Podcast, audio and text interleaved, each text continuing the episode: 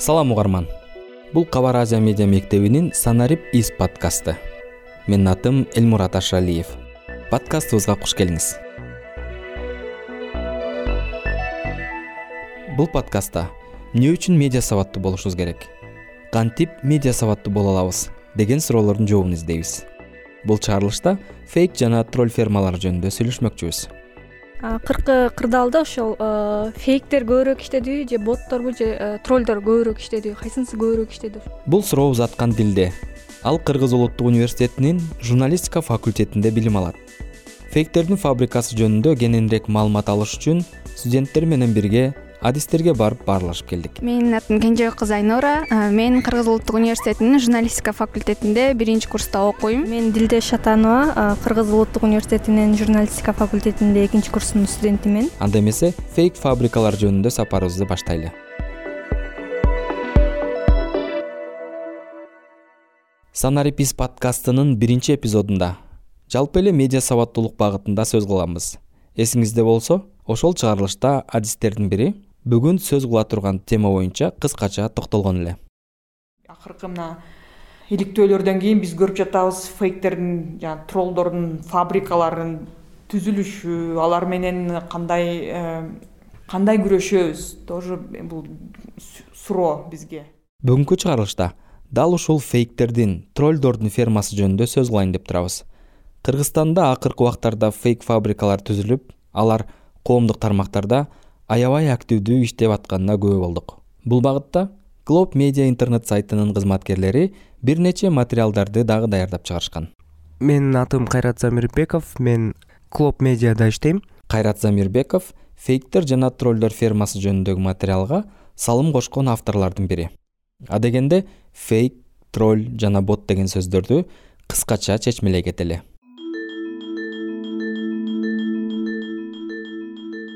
фейк аккаунт деген бул деген бир киши башка аккаунт түзүп алып өзүнө тиешелүү эмес да башка аккаунт түзүп алып ошонун аркылуу иштейт бул деген ошо фейк аккаунт болуп эсептелет. Мурдагы чыгарылышта да сөз кылганыбыздай фейк деген бул жалган калп дегенди билдирет. Фейсбук сыяктуу коомдук тармактарда башка бирөөнүн атын колдонуп же жок эле адамдын атынан өзү катталып барак ачып алгандарды фейк аккаунттар же болбосо жалган калп адамдар жалган калп барактар деп түшүнсөк болот троллдор болсо киши өзүнүн аккаунту аркылуу иштейт да бирок бир максатта аларга бир тапшырма берилет. Тигил же бул постту каралап жаз же бул макаланы бөлүшүп жакшы өңүттө жаз деген сыяктуу тапшырмалар берилет. Алар ошол тапшырмаларды аткарат өзүнүн аккаунтунан. Жөнөкөй аккаунттарды ала бербейт жумушкачы алар соц тармактарда активдүү болушу керек аудиториясы бар болуш керек. Фейктен айырмасы ошол да тиги ал өзүнүн атынан жазат да троллдор байкасаңар бул жерде тролль деген сөздүн түпкү маанисин колдонгон жокпуз. Жөнөкөйлөтүп айтканда кимдир бирөө өзүнүн фейсбугунда же инстаграмында кандайдыр бир буйрутма менен белгилүү бир саясатчыны жамандап же тескерисинче мактап жазса аны тролль деп атайбыз боттор болсо бул деген кишилер эмес да көбүнчө ал жерде бул бир программа иштейт. Компьютердун жумушу да мындайча айтканда ал бир эле комментарийди көп жерге алып беш алты жерге коюп коет. Боттордун эң башкы максаты коомдук тармактарда деги эле интернетте бир эле ой пикирди көп жерге жазып жайгаштыруу. Бирок катардагы эле жөнөкөй адамдар ошол ботторду башкара албашы ыктымал. Ал эң жок дегенде бир программисттин жөндөмүнө ээ болуш керек да? Жок дегенде программист болуш керек ботту башкара алыш керек. Дилденин суроосуна кулак салсак акыркы кырдаалда ошол фейктер көбүрөөк иштедиби же ботторбу же э, троллдор көбүрөөк иштедиби кайсынысы көбүрөөк иштеди ошону айтыңыз мисалы эле ошол төртүнчү октябрда болгон окуяда азыркы президенттик шайлоодо кайсынысы көбүрөөк иштеди? Буга чейин ошондойлор иштечү беле канчалык деңгээлде иштечү? Өткөн парламенттик шайлоодо ушул президенттик шайлоодо деле фейктердин активдүү иштегенин байкасак болот. Клубдун изилдөөсүнө таянсак акыркы парламенттик шайлоодо кыргызстанда бир беш фейк фермасы болгон экен да. Беш фейк фермасы иштеген экен. Алар көбүнчө ошо жанагы мекеним кыргызстан биримдик республика кыргызстан бир бол деген партиялар үчүн иштешкен да. Клоб медианын журналисттери мекеним кыргызстан жана биримдик партиялары үчүн иштеген фейктерди салыштырып көрүшкөн. Мекеним кыргызстан партиясына иштеген фейктер профессионалдуу десе болот да сүрөттөрүнө атайын бир искусственный интеллект болот го жасалма интеллекттен атайын бир мындай жапжаңы сүрөт жасап берет. Алар ошону аватаркасына коет. Жаңы ат ойлоп табат анан ошентип иштешкен да. Ал эми биримдик партиясына иштеген фейктер болсо? Алар көбүнчө жалкоо фейк да болгон дешти ну жалкоо болушкан кээ бирөө даже сүрөт койбойт. Сүрөт койсо монголиянын бир ырчы таанымал белгилүү ырчыларын кытайдын бир белгилүү ырчыларынын сүрөттөрүн коюп алышкан да. Иши кылсак кыргызстандагы соңку саясий окуяларда фейктер катуу иштешти. Коомдун көңүлүн ар кандай жолдор менен азгырууга аракет кылышты. Мындай көрүнүшкө кайдыгер карабаган глоб медиа менен медиа полиси институтунун кызматкерлери чара көрүүнү чечишкен өткөн парламенттик шайлоодо фейктер аябай активдүү иштегендиктен ошо клубтун журналисттери анан институт медиа полиси менен биригип алар фейк аккаунттордун базасын түзө башташкан. Жалпы жонунан бир төрт жүздөй фейктердин базасын түзүп чыгышкан да.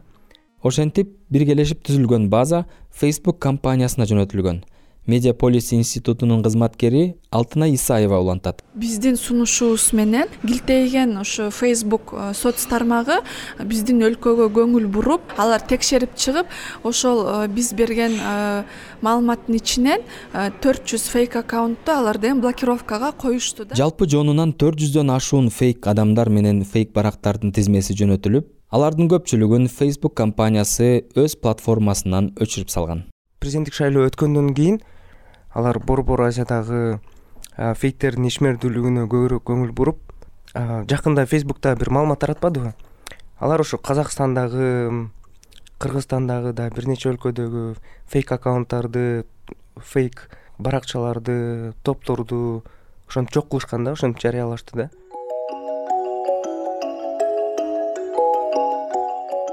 Фейсбук аккаунттардын көбүн өчүргөндөн кийин биз мындай социалдык тармактарда бир фейктер өлө азайып калганын байкадык да. Менимче ошол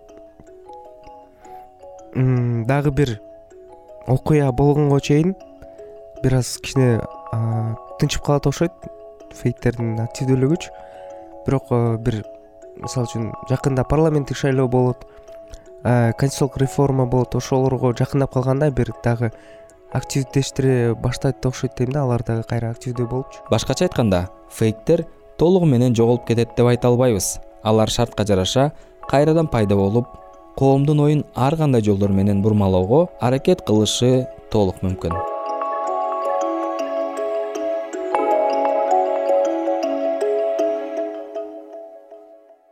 Кадырман угарман борбор азия мамлекеттериндеги орчундуу жана кызыктуу окуяларга процесстерге кызыксаңыз кабар азия платформасынын беш стан подкастын угуп көрүңүз. Подкаст баардык ири платформаларда жеткиликтүү. Андан тышкары кыргызстанда жана коңшу мамлекеттерде жарык көргөн подкасттар жөнүндө кененирээк маалымат алгыңыз келсе подкаст фест чекит кабар чекит азия сайтына өтүп таанышсаңыз болот. Сиз кабар азия медиа мектебинин медиа сабаттуулук темасына арналган санарип из подкастын угуп атасыз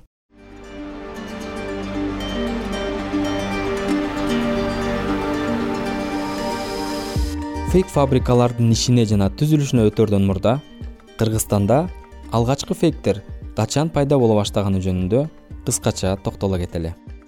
Ошо атамбаевден баштап эле ошо кыргызстанда социалдык тармактарда фейктердин кызматтарын колдонуп келишкен да мындайча айтканда бийлик өзү колдонуп келген. Ошо фейктердин фабрикасын колдонуп келишкен бирок эми кимде канча фейк фабрикасы болгону жөнүндө так маалыматтар жок иликтөө боюнча анонимдүү булактардан алганбыз да маалыматтычы ошолорго таянып негизи изилдөө жүргөн да? Башында фейктер бийликти мактап жактап иштеп келген болсо кийинчерээк бул көрүнүш өзгөрө баштаган. Клубтун изилдөөсүнө таянып айтсак алар деген сдпкны жактап фейктер көбүнчө ошентип иштешкен да ошол маалда как раз жээнбеков менен атамбаевдин экөөнүн бир тиреши башталган убакыт болчу. Жээнбековдордун дагы бир мындай фейктери атамбаевди жамандап башташкан да ошондочу. Клубтун биздин эле посттордун алдында ошону көп байкаса болот болчу да. Ошого бир туруштук бериш үчүн анан атамбаевдин фейктери дагы ошол тиги атамбаевди жактап анан сооронбай жээнбековго каршы учурдагы бийликке каршы комментарийди жазып эми мындайча айтканда коомчулуктун бир ою менен ойношкон да мындай экиге бөлүнүп алыпчы ошондо ошол маалда. Ушул жерден фейк фабрикалардын негизги максаттарынын бирин байкоого болот. Тактап айтканда фейк фабрикалар ар дайым коомдук пикирге таасир этүүгө аракет кылып келген. Алардын кызматын болсо негизинен саясий топтор пайдаланганын айта алабыз. Ошондо фейк фабрикалардын түзүлүшү жана иши кандай болгон? Бир анонимдүү булактын айтымында ошо он он беш адам болот дейт бир фермадачы алардын ар биринде бир беш ошо онго чейин аккаунт болот да ар бир кишиде. Көбүнчөсү үйдөн отуруп иштешет онлайн. Алар акча алганда эле көрүшөт экен да мындайча айткандачы анан бүт жумуштун баарын көбүнчө телеграм чатта болот экен. Анткени азыр мессенджерлердин эң эле мындай коопсуздук боюнча эң биринчи орунда турганы ошо телеграм деп саналып атпайбы. Ошондуктан көбүнчөсү телеграм аркылуу иштешет ушу телеграм аркылуу тигилер бир чат ачып алат анан тапшырма берип турат фейктерге. Фейк болуп иштегендергечи анан алар болсо ошентип аткарып турат. В принципе ошол жумуштары ошондой да. Мурда фейсбук бизге жаңы эле келе баштаганда адамдар өз ысымы менен кирип катталып өздөрү үчүн эле колдонушчу. Фейктер көп эмес эле жана чоң күчкө ээ эмес болчу. Ал эми азыр кандай? Мисалы үчүн ошол бир бир саясатчы өзүнүн баракчасынан бир нерсе деп жазат. Элүү фейк келип туруп ошол комментарийине ошону мактап коет. Бул уже эми мындай сыртынан тааныш эмес кишилерге караганда бул жакшы үмүттү көрсөтүп атат да мындайча айткандачы бул эми ошо эми бир коомдук ойду бир имитация кылып атат десек деле болот да эми. Ал эми фейсбуктун алгоритмдери болсо кандай иштейт? Алар фейк болобу же чыныгы адамдар болобу карабайт мисалы ошол эле саясатчы бир пост жазып чыгарды дейли. Ошого бир мындай реакция койгонго караганда комментарий жазганда көбүрөөк салмагы чоң болот да ошол посттунчу демек канчалык комментарий көп болсо ал пост ошончолук фейсбуктун лентада эң башында туруп турат да. Лентага киргенде көбүнчө ошол постту көрүп турушат дегенди түшүндүрөт да. Интернет менен коомдук тармактар менен жаңыдан таанышып аткан адамдар дал ошол фейктердин курмандыгына айланып калышы толук мүмкүн болуп турат. Ушуга байланыштуу айнура суроо узатып калды.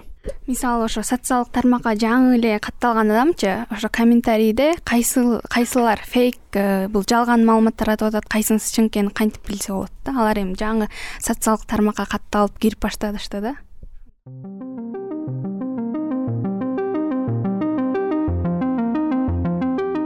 биринчи кезекте ошо комментарий жазган адамдын сүрөтү барбы жокпу? Ушуга көңүл буруш керек.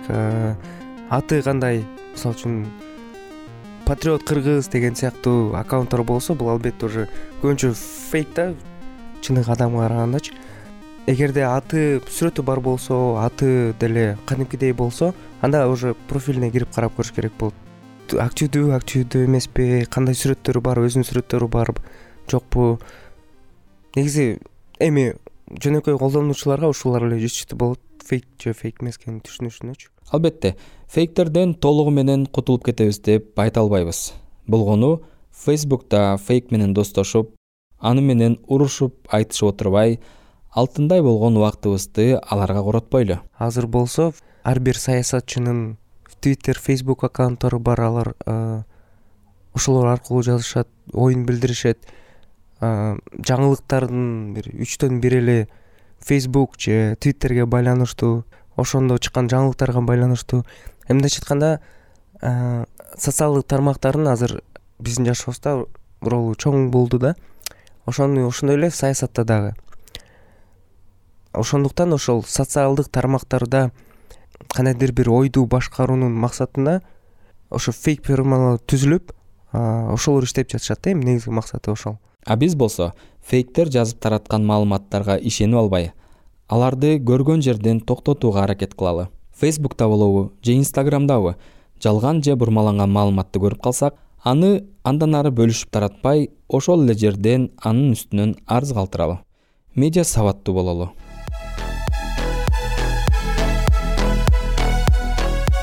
Ушуну менен санарип из подкастынын үчүнчү чыгарылышы аягына чыкты. Аны мен элмурат ашыралиев даярдадым. Фейк фабрикалар темасын түшүнүүбүзгө жардам берген кайрат замирбековго ыраазычылык билдирем.